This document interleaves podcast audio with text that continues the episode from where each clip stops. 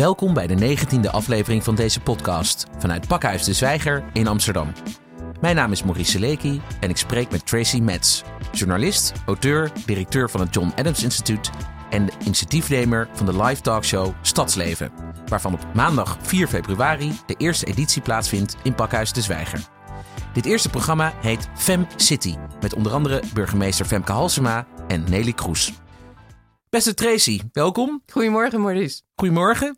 Waar gaat stadsleven over? En kun je ook vertellen waarom je deze reeks bent begonnen? Stadsleven gaat over het leven in steden.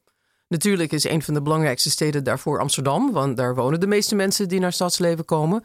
Maar het gaat ook over leven in steden, omdat zo'n heel groot deel van de wereldbevolking tegenwoordig in steden woont. En veel van die steden delen problemen, vraagstukken, oorzaken. En het is heel erg leuk ook om Amsterdam in een grotere context te plaatsen. Ik ben Stadsleven begonnen in 2013. Ik, was, uh, ik ging uh, net uit dienst bij NRC Handelsblad. Ik blijf nog wel voor de krant schrijven nog steeds. Maar ik dacht, nu kan ik op een andere manier journalistiek bedrijven. En over de onderwerpen die mij interesseren vertellen.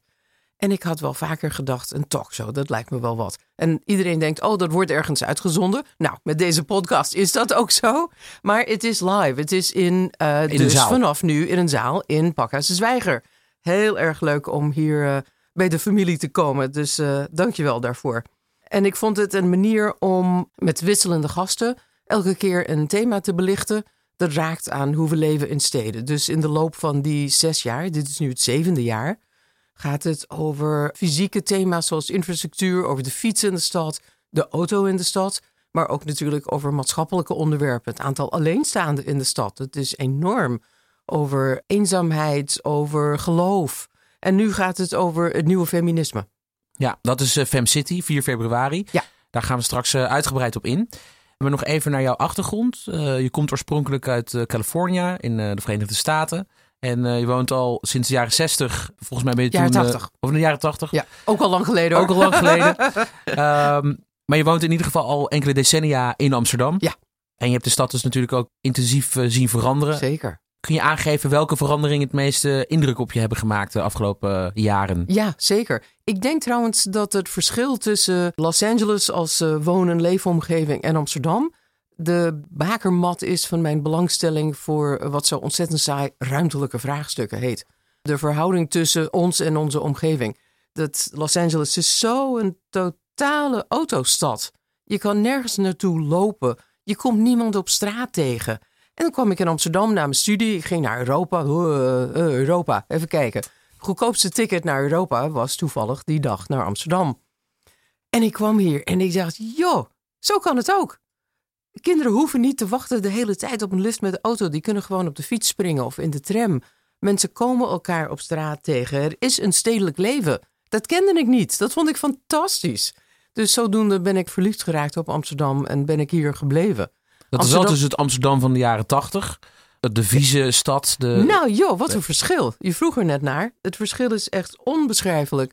Amsterdam was toen, zakte echt door zijn hoeven. Ik was natuurlijk als uh, Amerikaanse heel erg onder de indruk van al die grachtenpanden van 300 jaar oud. Levende historie. Maar ze stonden allemaal in de stutten. Niemand wilde daar wonen. Het was, je kon ze aan de straatstenen niet kwijt. En nu kunnen alleen uh, uh, de rijken der aarde zo'n huis kopen.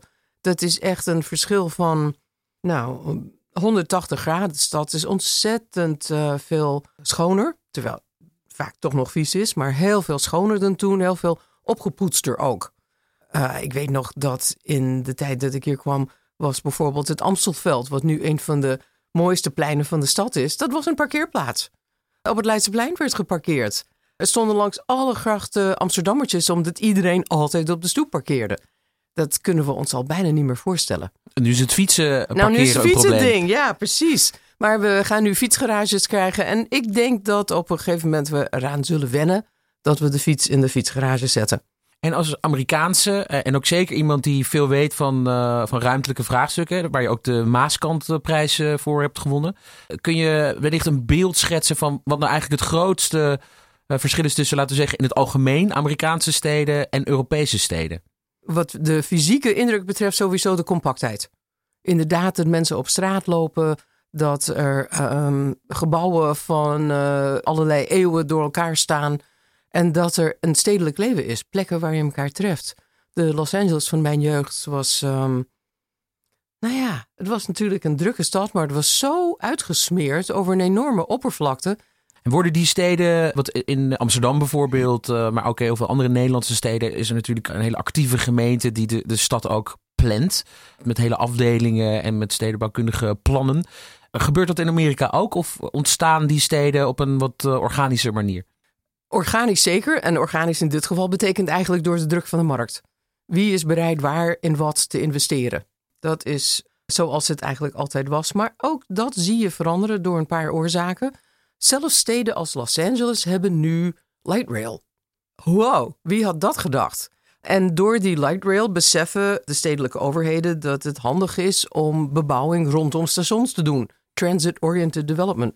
Dus er is uh, wel een besef gekomen dat er, ik denk dat er eigenlijk nu door de veranderende mentaliteit over steden en stedelijkheid en de verlangens die mensen projecteren op een stad, dat er veel meer ruimte is voor overheden om hun stempel op de stad te drukken. Dat gezegd hebben, we leven we natuurlijk nu in tijden van Trump. Dus hoeveel de stedelijke overheid nog kan en kan investeren, is uh, nog maar de vraag.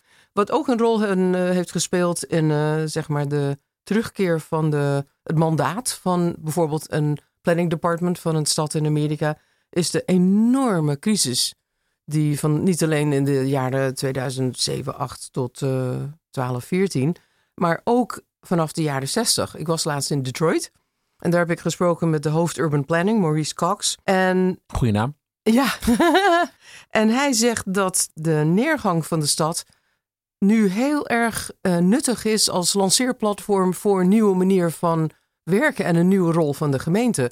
Want de stad die, die Detroit, om het heel even te, te plaatsen, het is toch een autostad uh, Totaal de autostad, Automotive City. En in de jaren zestig zijn er enorme rellen geweest. De blanken ontvluchten de stad. Later ontvluchtte de zwarte de stad, want het werd zo arm. En de auto-industrie vertrok. En liet de stad voor een heel groot deel leeg achter. Maar in 2013 is Detroit failliet gegaan. Uiteindelijk is die schuld weggevaagd, overgenomen door de overheid en kon Detroit opnieuw beginnen. En nu grijpt de Urban Planning Department zijn kans. Ziet echt zijn, uh, zijn kans vrij. Want er zijn heel veel opportunities. Zijn mensen die willen investeren. Er zijn creatievelingen die Detroit een interessante plek vinden. Er is ook geld vanuit de overheid om bouwvallige huizen te slopen en opnieuw te beginnen. Dus zij vinden dat ze nu echt aan de vooravond staan van een hele renaissance. Fascinerend proces. Is die crisis toch nog ergens goed voor geweest? Dus na faillissement is eigenlijk weer een herreizenis van autostad uh, Detroit. En Ford komt ook terug naar uh, Detroit. Een van de bekendste foto's van uh, Detroit was Michigan Central Station. Heeft decennia lang leeg gestaan. Prachtig gebouw. Stonden, geloof ik, auto's op, op de perrons geparkeerd. Nou, echt te triest voor woorden. En Ford komt terug. De grote Amerikaanse autobouwer. Helemaal. En dat wordt een onderzoekscentrum voor New Mobility, eh, de zelfrijdende auto. Dus uh, dat is wel een, echt een opsteker voor Detroit. Vooruitblikkend uh, op 2019, welke ontwikkelingen zullen volgens jou dit jaar gaan bepalen? Infrastructuur is in Amsterdam nu ontzettend belangrijk. We hebben eindelijk de Noord-Zuidlijn. En ik heb gelezen dat de uh, Noord-Zuidlijn naar Schiphol gaat worden doorgetrokken. Dat is denk ik voor iedereen heel goed nieuws. Naast dat infrastructurele vraagstuk, wat gaat er nog meer spelen? Oh, je ziet in de, uh, nog even in de infrastructuur, de grote infrastructuur, bijvoorbeeld uh, de metro naar Schiphol. Maar je ziet ook in de kleine infrastructuur, echt in de stad zelf, ook heel veel veranderen. Er zijn nu zoveel nieuwe soorten vervoer. De step, de bakfiets, de elektrische scooter, de elektrische bakfiets, de eenwieler, de, mijn hemel, de Segway. Het zijn er wel dertig, heb ik geteld. En Luut Schimmelpenning, die komt weer met uh, zijn witcar. Hij uh. gaat, heeft een nieuw model voor zijn witcar. Wat een geluk dat die man echt al, nou wat is het, 30, 40 jaar voor op de ontwikkeling loopt. Dat vind ik echt fantastisch om te zien. Hij is nu volgens mij 80, maar hij loopt nog steeds voorop. Geweldig. Ja, levende ik hoop legende. dat het lukt. Levende legende, ja. Dus je ziet ook dat we vernieuwingen in het stadsbeeld krijgen, zoals shared space achter het Centraal Station. Niet iedereen is even enthousiast, maar het is absoluut een vernieuwing voor Amsterdam. Dingen als fietsstraten. Dus ook op het kleine niveau van het wegdek zie je dat er uh, veel innovatie is. Ik word helemaal blij van, ehm, als ik kijk naar het publiek hier in Pakhuis de Zwijger, hoeveel mensen nu aan dat gesprek over de stad deelnemen. Dat was heel lang een heel overheidsgestuurde, officiële, tot hoogopgeleide, blanke, beperkt gesprek. En je ziet nu dat heel veel mensen zich daar tegenaan gaan bemoeien en er tegenaan gaan schoppen. En daar word ik ontzettend blij van. Want een van de minder goede ontwikkelingen is juist de andere kant op, nu de economie weer beter gaat. Zie je die hele beweging om burgers bij de stadsplanning te betrekken, dat dat opnieuw weer veel moeilijker wordt. We gaan gewoon terug naar gemeente, ontwikkelaar, belegger, het oude triumviraat van de stadsontwikkeling. En ik denk dat het ontzettend belangrijk is dat we de inspiratie en de betrokkenheid die we in de crisis van gewone burgers hebben gekregen, dat niet weer net zo gauw eh, bij het oude vuil zetten. Dus dat is iets waar ik me juist weer zorgen over maak. Je geeft eigenlijk inderdaad al aan dat er dus een soort van eh, afstand ontstaat tussen dus die traditionele partijen die met die uh, stadsontwikkeling bezig zijn nou, en de burger. Hoe kijk je daar tegenaan, die, die groeiende ongelijkheid, bijvoorbeeld op de woningmarkt? Denk je dat bijvoorbeeld het nieuwe college genoeg maatregelen neemt om dat tegen te gaan? Ik ben wel in ieder geval blij dat het nieuwe college dit heel erg uh, in het vizier heeft. En echt zijn best doet. De vraag is wel, in hoeverre is dat te sturen? In hoeverre kun je bijvoorbeeld iemand verbieden om zijn huis te verkopen aan een rijke Rus of een rijke Chinees? Gelukkig hebben we daar nog niet heel veel problemen mee. Maar de prijzen zijn echt de pan uitgerezen. En er is inderdaad een enorme ongelijkheid. We hebben dat niet zien aankomen. En als we het zagen, hebben we niet genoeg kunnen bouwen in de crisis om daarop vooruit te lopen. Dus dat is wel een van de grote, grote zorgen van Amsterdam voor de toekomst. Dat de stad voor iedereen aantrekkelijk blijft. En dat heeft nog een, om een andere reden belang voor de toekomst. Toen ik naar Amsterdam kwam, was de stad echt heel erg shabby. De stad was niet populair. In de jaren 80. In de jaren 80. Maar tot ongeveer 1983 is ook het bevolkingsaantal van Amsterdam ook altijd afgenomen. Nou, Pas daarna begonnen het Elk jaar met duizenden en duizenden mensen af. Mensen gingen naar de overloopgebieden, heette het toen. En waar ik bang voor ben, is als Amsterdam een heel erg eenzijdige stad voor alleen maar rijke, oude, witte mensen wordt.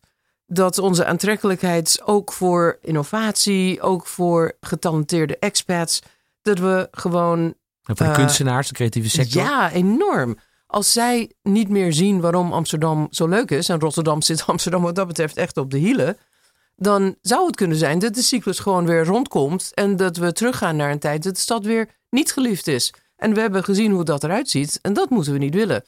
Dus dat bedreigt ons echt op, uh, op lange termijn. Dat Amsterdam een, uh, een vlak en ongeïnspireerde toevluchtsoord wordt voor een heel eendimensionale bevolking.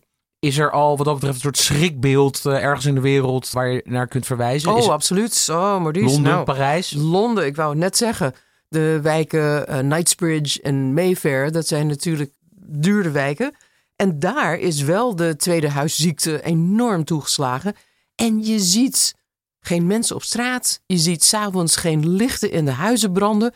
De winkels sluiten, want er zijn geen klanten. Het worden hele rijke, hele dooie enclaven voor mensen die er bijna nooit zijn. Nou, dat is echt het grootst mogelijke schrikbeeld. Uh, dat moeten we echt niet willen. Nou, met dit schrikbeeld uh, in het achterhoofd blikken we vooruit op Fem City. Want dat is nog een andere ontwikkeling in de stad. We hebben een vrouwelijke burgemeester voor het eerst in de geschiedenis van de stad. Femke Halsema. Zij is in ieder geval een symbool ook van die geslaagde vrouwenemancipatie. Hoe zit het tegenwoordig in de stad met de relatie tussen mannen en vrouwen?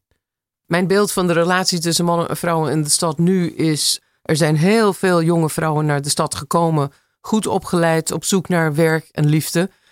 Er is wel een, uh, een vrouwenoverschot. Zoals in China een mannenoverschot is, hebben wij hier last van een vrouwenoverschot. Ik zie heel veel jonge vrouwen die um, nou, graag een relatie zouden willen. En het komt er niet van. Het lukt niet. Maar ik zie tegelijkertijd ook wel een toenemend vrouwelijk bewustzijn. En dat beperkt zich niet tot de stad en ook niet tot eh, Amsterdam of Nederland. Het is echt in de hele wereld is nu het vrouw zijn een enorm onderwerp. Je ziet het ook in de kranten. Stukken over tentoonstellingen van vrouwelijke kunstenaars. In het Amsterdam Museum nu hebben we de tentoonstelling Duizend en één vrouwen in de 20ste eeuw. En bezoekers van Stadsleven op 4 eh, februari krijgen ook korting op de tentoonstelling. En de samensteller is een van mijn gasten. Dus je ziet dat het bewustzijn van interessante vrouwen, wat vrouwen kunnen, wat ze teweeg kunnen brengen, dat is enorm aan het opbloeien. Misschien is er een verband tussen een en ander. Dat we door dat vrouwenoverschot denken: hé, hey, we hebben dit uh, sociaal kapitaal. Wat betekent het eigenlijk? En het is wel echt iets anders dan de vorige golf van het feminisme in de jaren zeventig. Anja Meulenbelt, De Schaamte Voorbij, geweldig boek. Ze heeft ook een uh, column geschreven voor de website van Stadsleven. Stadsleven.nu over, sorry dat ik het zeg, de kut. Oh, de kut. Nou, dat is een onderwerp waar je eigenlijk niet uh, genoeg. Dan zouden we nog een hele aparte podcast voor moeten insteken. rehabilitatie van de kut als scheldwoord naar liefkozing. Nou, lees hem vooral. Hij is erg grappig. Zij is echt heel grappig. Maar die generatie had veel meer een agenda en ook een politieke agenda. En je ziet nu dat het feminisme misschien een bredere beweging is, maar ook diffuser. Het gaat ook over je ras. Het gaat ook over je geaardheid. Het gaat ook over je geslacht. En wat de agenda is, is niet zo heel duidelijk. En een van de andere blogs die op uh, de site van Stadsleven zullen verschijnen, want Stadsleven is behalve live talkshow ook een digitaal magazine. Een van die andere blogs zegt: dit, is een, dit bedreigt de vrouwenbeweging van nu, want de jonge mensen geloven nu niet in de politiek en kijken niet naar de politiek om hun agenda te realiseren. En die agenda is dus ook niet zo duidelijk. Dus dat gaan we onderzoeken in de talkshow met uh, Femke Halsema. Die zich ook niet op voor wil laten staan dat ze vrouwelijke burgemeester is. Ze zegt, ik ben burgemeester van alle Amsterdammers. Nelly Kroes, die natuurlijk het toonbeeld is van de geslaagde powervrouw. Sommige mensen noemen haar een kerel met gelakte nagels. En ook twee vrouwen van de millennial generatie. Sarah Sluimer van de Correspondent en Clarice Gargaard uh, Liberiaanse Amerikaanse en uh, columniste bij uh, NRC. Dus ik ben heel benieuwd hoe zij kijken naar het feminisme van nu en naar de corporate succes van iemand als Nelly Kroes en onze eerste vrouwelijke burgemeester. Is het ook voor mannen een toegankelijke avond, denk je? Ik zorg er altijd voor dat het stadsleven bruisend is en ook wel leerzaam, maar ook gewoon echt een leuke avond. Dus ik denk het wel. En ik ken weinig mannen die niet beseffen dat dit hen ook raakt. Eh, of in de privésfeer, of in de politiek, of in de maatschappelijke stemming van dit moment. Het is gewoon overal. Als je dus uh, vanuit jouw eigen uh, perspectief kijkt naar bijvoorbeeld uh, de wereldwijde discussie rondom hashtag MeToo. Wat is de impact geweest van MeToo? Ik denk dat de impact van MeToo tamelijk gemengd is. Wat mij verbaast is dat we zo weinig MeToo in Nederland hebben gekregen. Misschien komt het door ons poldermentaliteit, consensus, don't rock the boat, uh, doe niet te moeilijk. Maar het kan toch niet zijn dat het hier niet speelt? We hebben een paar gevallen gezien, maar het is helemaal niet een beweging geweest in Nederland zoals elders. En dat verbaast me. Ik vraag me af, waar blijft dat nou? Maar een van mijn eigen uh, zorgen over MeToo, en ik denk dat iedereen dit gevaar ziet van zo'n beweging, dat als je als man beschuldigd wordt van iets in de MeToo-sfeer, dat je al veroordeeld bent nog voordat je hebt kunnen verdedigen, voordat het onderzocht is, voordat er hoor en wederhoor is toegepast. In zijn slechtste vorm heeft het ook iets van een volksgericht. En dat uh, vind ik echt zorgwekkend. Ik ben blij dat er nu naar vrouwen geluisterd wordt. Ik ben blij dat vrouwen door de hele MeToo-beweging zich vrijer voelen om zich over misstanden uit te spreken. Maar dat slaat heel snel door naar een soort volksgericht. En dat vind ik echt alarmerend. Maar ik zou toch willen dat er wel meer MeToo in Nederland was. Want het kan niet zijn dat, dat het hier niet voorkomt. Zou jij, en dan ga ik toch weer even terug naar jouw Amerikaanse roots, misschien nog een soort van verschil kunnen duiden tussen de, de actieve, uh, participerende, geëmancipeerde vrouw in Nederland versus die bijvoorbeeld in Amerika? Ik vind dat over het algemeen vrouwen in Amerika, maar dan hebben we het vooral over de hoogopgeleide, die zijn over het algemeen uh, meer outspoken over de zaken die zich bezighouden en vaak ook wat militanter. Laten we niet vergeten dat Nederland kampioen is in parttime werken. Dus er zijn heel veel vrouwen die misschien wel betrokken zijn bij de maatschappelijke discussie, maar niet, kennelijk niet heel erg carrière-minded. Dit jaar is het Nederlands uh, aantal gewerkte uren van uh, vrouwen van 28 naar 29 gegaan. We willen ons kennelijk niet echt in die strijd mengen. En heb je daar een verklaring voor? Ik denk dat het heel veel te maken heeft met onze welvaart. En dat uh, uh, vrouwen getrouwd met een partner die, die werkt, uh, het wel goed vindt. En er zijn, gaan ook steeds meer huishoudens naar 4-4 toe. Hè? Dat beide partners vier dagen in de week werken. Dat lijkt me echt de, eigenlijk de ideale oplossing. Want ook de man wil meer tijd hebben voor gezin en vrije tijd en zichzelf. Maar um, ik blijf me erover verbazen dat we daar kennelijk, uh, dat de Nederlandse vrouwen dat, uh, nou, over het algemeen behoorlijk hoog opgeleid. Maar dan vaak na hun studie toch uh, genoegen nemen met, met een baan die niet echt een carrière is. Vind ik jammer in vergelijkbare landen die ook heel welvarend zijn, in Scandinavië, maar ook in Frankrijk, is de arbeidsparticipatie van vrouwen uh, hoger. Mm. Ook omdat bepaalde systemen daar beter zijn geregeld. Hè? Ook, ja, kinderopvang. kinderopvang en dergelijke. Ja. Ook in Italië zelfs. Ja, maar is dat dan de Nederlandse volksaard? Want het is wel heel specifiek Nederland die dan daar dan tegenaf uh, steekt, zeg maar. Ja, vind ik ook. Ik wou dat ik het wist, Maurice. Ik heb niet echt een antwoord op hoe dit komt, maar het is al jaren zo. En ergens is het wel fijn dat we kennelijk een minder gestreste leven hoeven leiden. En niet zoals heel veel armere Amerikaanse vrouwen twee, drie banen moeten hebben, nooit hun kinderen zien om maar het hoofd boven water te houden. Dus ergens is het een luxe probleem. Maar ik denk als het gaat om de rol van vrouwen in de samenleving en voor vol worden aangezien, dat het beter zou zijn voor de vrouwenemancipatie als meer vrouwen meer werkten. Gaan jullie daar ook over hebben in FemZit? Absoluut. Dat is echt een vraag voor, voor Nelly Kroes. Zij heeft ook kinderen. Femke Halsema is natuurlijk een harde werker en heeft ook kinderen. Dus kennelijk kan het. Maar je moet het maar net willen. De toekomst van de vrouw in de stad. Je benoemde net al de, nou ja, het overschot aan vrouwen in de stad. Of dan waar zijn de mannen? Het is toch niet een uh, daadwerkelijk verhouding dat in heel Nederland er meer vrouwen zijn dan, uh, dan, dan mannen, toch? Nee, dat is specifiek een stedelijk iets. Ja. Omdat veel jonge vrouwen naar de stad trekken uh, voor studie, liefde, carrière. Als we dus dan naar hun positie kijken van jonge vrouwen, wat gaat er dan de komende tijd gebeuren? Zullen er gewoon meer alleenstaande jonge vrouwen in de stad blijven wonen in de toekomst? Of zullen die vrouwen uiteindelijk misschien naar gebieden toetrekken waar meer mannen wonen? De combinatie van een uh, dun partnermarkt en onbetaalbaar wonen. Dat is geen goed teken voor de toekomst als het gaat om jonge vrouwen aan de stad binden. En dat zijn wel hele, hele creatieve mensen die echt midden in het leven staan. Dus die willen we niet kwijt. Dus daar maak ik me wel zorgen over. Er zijn wel weer andere goede ontwikkelingen. Bijvoorbeeld, uh, jullie hebben een project van Pakhuis de Zwijger in West, Vrouwen van West. Uh, om Gekoppeld aan onze dependance, nu Metropolis. Precies, om daar uh, foto's van te maken en ze ook met elkaar meer te verbinden en te laten zien dat daar een community is waar ze zelf misschien nog niet eens van bewust zijn. En een van de columnisten in de talkshow op 4 februari is Saida Ouariru. En zij organiseert fietslessen voor allochtone vrouwen in Rotterdam. Dat is natuurlijk ook een manier om vrouwen uit hun isolement te halen. Dus het zijn kleine initiatieven die een enorme impact op het leven van vrouwen kunnen hebben. Dus ik wil ook laten zien dat het uh, niet alleen een uh, beweging is van een uh, hoogopgeleide elite, maar ook invloed heeft op het dagelijks leven van vrouwen die in veel opzichten buiten de Nederlandse samenleving staan.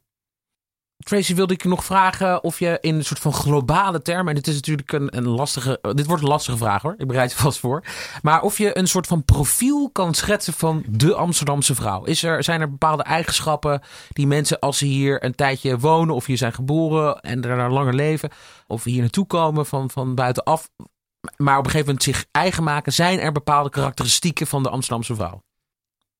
Ik denk dat er wel algemene karakteristieken van de Amsterdamse vrouw zijn, omdat er hier heel veel ruimte is om je te manifesteren en aanwezig te zijn in het debat. Er zijn heel veel plekken waar vrouwen zonder angstig te zijn of waar ze op aangekeken worden naartoe kunnen om bij elkaar te zijn of in, gewoon in het publieke leven te zijn. En dat is een enorm voordeel als je kijkt naar andere landen waar vrouwen het huis niet uit mogen komen. Dus Amsterdamse vrouwen, zeker, die zijn, uh, uh, vind ik over het algemeen, zelfbewust, op het brutale af, heerlijk. En niet bang om hun rol in het uh, publieke leven te nemen. Tot slot, Tracy, heb je nog een laatste boodschap voor onze luisteraars? Sta op. Doe iets. Neem je ruimte, neem je recht, hef je stem. Zeg wat je op het lever zit en kom in actie. Dankjewel, Tracy Metz. Beste luisteraars, dit was de negentiende aflevering van de podcastserie van Pakhuis de Zwijger. Op maandag 4 februari kunnen jullie de eerste editie bezoeken van Stadsleven met Tracy Metz, getiteld Fem City in Pakhuis de Zwijger. Met onder andere burgemeester Femke Halsema, Nelly Kroes en Clarice Gargard. Meer informatie over Fem City en andere programma's van Pakhuis de Zwijger is te vinden op dezwijger.nl. Een rating achterlaten of je abonneren op deze podcast kan via SoundCloud, Spotify, iTunes en Stitcher. Dank voor het luisteren en tot de volgende keer.